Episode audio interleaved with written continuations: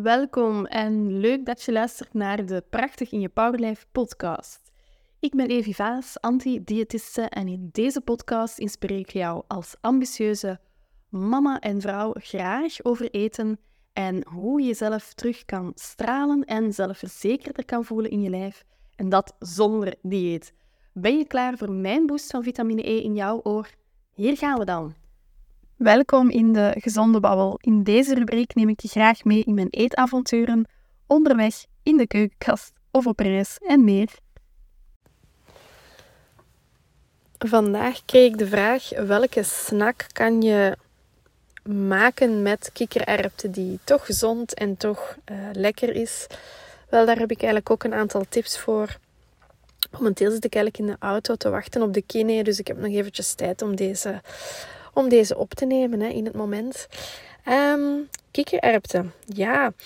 En vooral kikkererwten uit blik, daar is eigenlijk niks mis mee. Um, daar is altijd een heel groot um, misverstand over dat eten in blik allemaal niet zo oké zou zijn.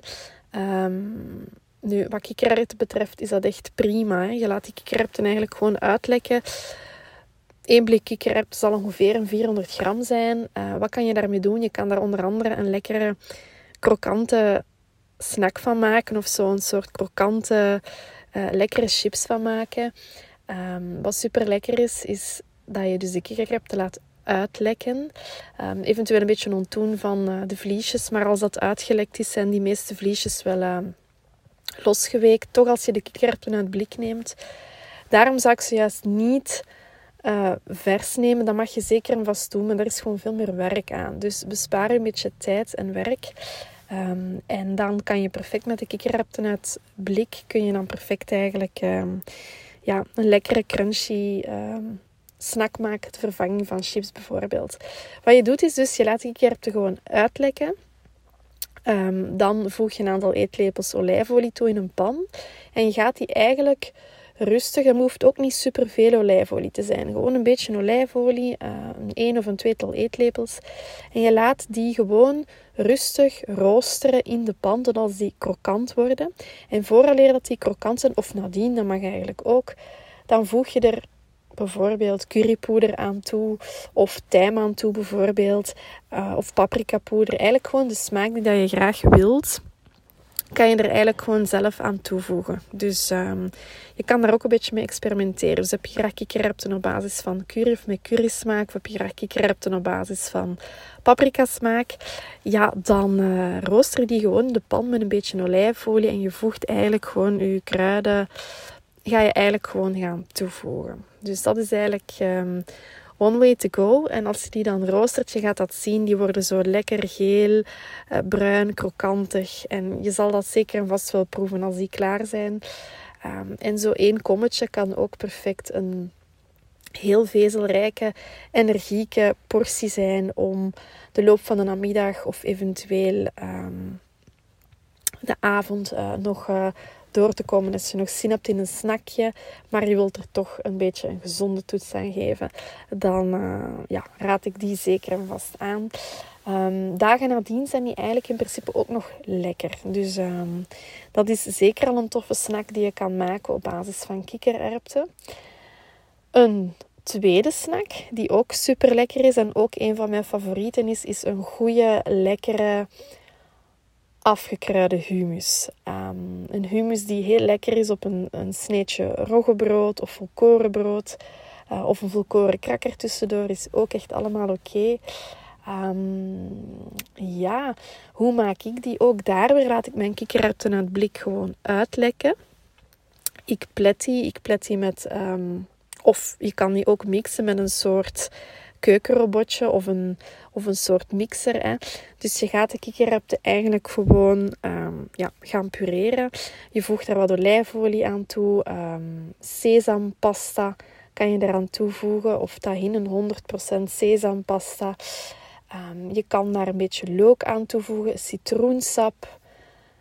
En dan eventueel nog wat gerookt paprikapoeder bijvoorbeeld. Ehm, en dat is dan eigenlijk best wel een mooie basis van een lekkere hummus. Dus in een hummus mag een sesampasta zeker en vast niet ontbreken. Je doet er wat citroensap, een beetje gehakte een beetje gerookt paprikapoeder bij. Ehm, eventueel een beetje komijn uh, of komijnzaad. Uh, maar dat hoeft niet. Hè. Je kan dat zelf op smaak brengen hoe je dat wilt. Maar zie zeker en vast dat de citroensap en dat de sesampasta, dat die er zeker en vast uh, ja, in zit. Dat is toch wel de basis echt van een humus. Wil je echt een lekkere humus hebben.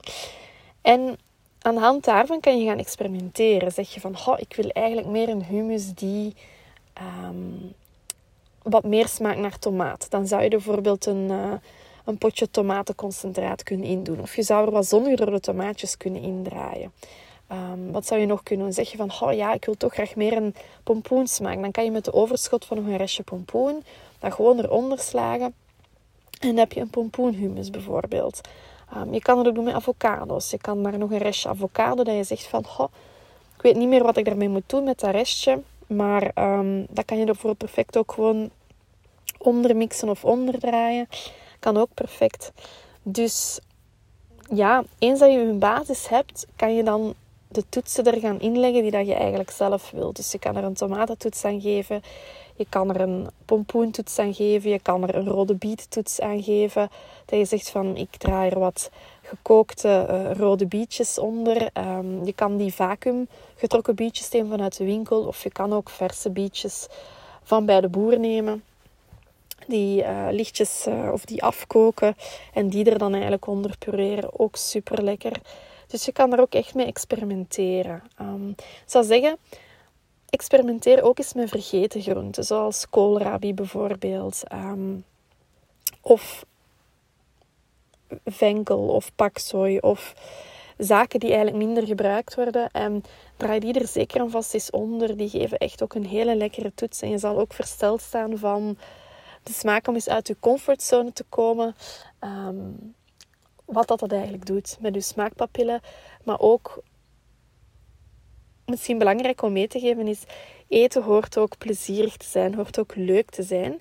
Maar als uw voeding vrij eenzijdig en eentonig is, dan weerspiegelt zich dat ook naar binnen toe. Um, dus mensen die heel eenzijdig eten, zijn vaak ook mensen die niet uit hun comfortzone durven te komen, die zich ook vaak, um, ja, moet ik zeggen, een, eenzijdig houden, die zich, um, ik kijk nu niet echt op het woord, maar uit je comfortzone komen maakt echt dat die goesting in eten ook aangewakkerd wordt en ook de goesting in gezond eten ook aangewakkerd wordt. Dus ik daag u uit, eet niet te eenzijdig. Als dit nieuw is voor u, ga daarmee experimenteren, ga daarmee aan de slag. Zoek een smaak dat bij u past. Maar je gaat merken dat je veel meer plezier gaat halen uit uw leven als uw voeding minder eenzijdig is. Ehm, en als je uit je comfortzone gaat stappen en je voeding is minder eenzijdig, dan ga je veel, een veel grotere smaakbeleving hebben. En dan, gaat ook, dan ga je ook veel meer plezier hebben in het leven. Omdat voeding ook een heel grote impact heeft op het mentale welzijn en welbevinden. En dat is eigenlijk toch ook nog een belangrijke boodschap die ik wil meegeven. Dus is dit nieuw voor u? Ik zou zeggen, ik weet dat heel veel mensen het gewoon zijn om op de boterham, want dit is nu humus, dat kan je uh, op de boterham gebruiken of als snack of tussendoor gebruiken of om te dippen met groenten bijvoorbeeld. Hè. Ik, ik ken het heel goed als je naar familiefeestjes gaat. Um, dan vind ik eten ook altijd super leuk. En heb je vaak ook twee mooie schotels. Dus een schotel, een, een kaasschotel zal ik maar zeggen, en, en een vleesschotel. En um,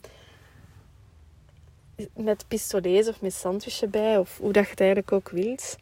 Um, en dat is allemaal super lekker. Maar ik daag je ook uit om um, te variëren en ook om eens iets anders te nemen of aan te bieden of te nemen dan enkel kaas of vlees. Er is niks mis met een kaas of een vleesje, hè, want ik eet dat ook allemaal super graag. Maar um, durf ook al eens iets anders op tafel zetten of Ga eens uit je comfortzone wat beleg en hou je niet altijd vast aan kaas en vlees. Voilà. En dat hoop ik eigenlijk met deze aflevering, zullen we maar zeggen, ook jullie daarin te inspireren om het ook een beetje anders te doen en wat anders aan te pakken. Goed, ik zou zeggen, ehm, ja, geniet van deze lekkere receptjes. En uh, laat zeker een review achter. Mocht je dit super fijn vinden, laat zeker een review achter. En ik hoor jullie. Um, ja, ik ga jullie niet horen. Al, ik hoop dat ik jullie wel ooit eens kan horen. Um, maar ik zie jullie graag tot de volgende. Goed, tot de volgende. Dag.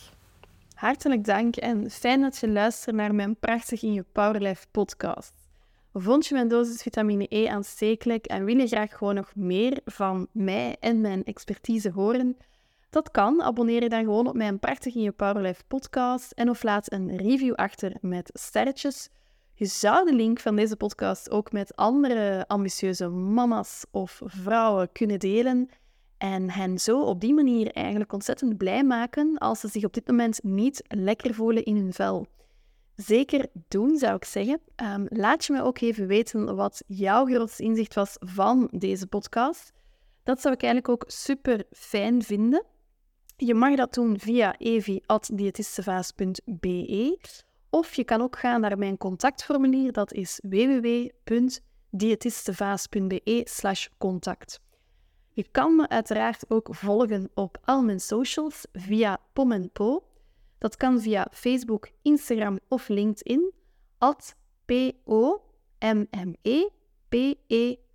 Dus at pompo.